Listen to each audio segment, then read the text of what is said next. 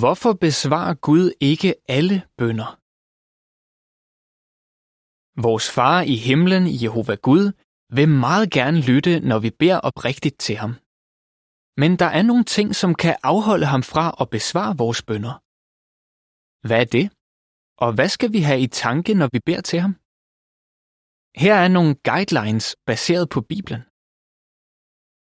Når I beder, skal I ikke sige det samme igen og igen. Matthæus 6:7 Jehova ønsker ikke, at vi skal gentage udenadlærte bønder eller læse dem op fra en bønnebog. Han vil gerne have, at vi taler fra hjertet. Forestil dig, hvor frustrerende det ville være, hvis du havde en ven, der gentog den samme ramse for dig dag ud og dag ind. Gode venner taler åbent og ærligt sammen. Når vi selv formulerer vores bønder, kan vi tale personligt til vores far i himlen. Når I beder, får I ikke noget, fordi I beder med et forkert motiv. Jakob 4:3 Vi kan selvfølgelig ikke forvente, at Gud besvarer vores bønder, hvis vi beder ham om noget, som han ikke ønsker, at vi skal gøre eller have. Vil det for eksempel være logisk, at en gambler, der beder om held i spil, får svar på sin bøn, når Gud tydeligt advarer imod grådighed og troen på held? Man kan ikke forvente, at Jehova besvarer den slags bønder. Hvis vi gerne vil have, at Gud skal svare på vores bønder, må vi altså sikre os, at det vi beder om, stemmer overens med det, han lærer os i Bibelen. Hvis en nægter at høre, hvad loven siger, vil selv hans bøn virke frastødende.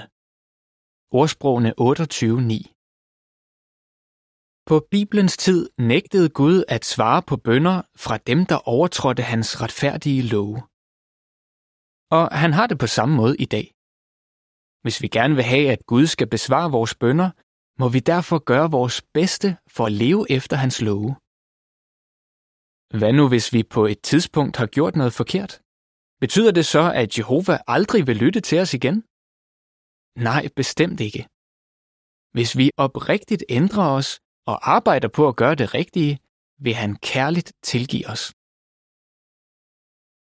Den, der nærmer sig Gud, må tro på, at han eksisterer, og at han vil belønne dem, der oprigtigt søger ham. Hebræerne 11:6 Bøn er ikke bare en følelsesmæssig ventil, man kan bruge, når man er presset. Det er en måde at udtrykke sin tro på. En måde at vise Gud sin respekt og kærlighed på. En, der ikke bliver ved med at bede i tro, uden overhovedet at tvivle, skal ikke forvente at få noget fra Jehova, skrev disciplen Jakob. Jakob 1, 6 og 7. Hvis vi gerne vil have en stærk tro på Gud, må vi bruge tid og kræfter på at lære ham at kende ved at studere Bibelen.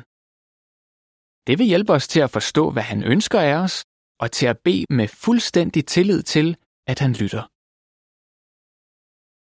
Giv ikke op. Det er rigtigt, at Gud ikke besvarer alle bønder, men millioner af mennesker oplever at få svar på deres oprigtige bønder. Bibelen fortæller om nogle ting, du kan gøre for at sikre, at Gud vil lytte til dine bønder. Det kan du få mere at vide om i den næste artikel. Artikel slut.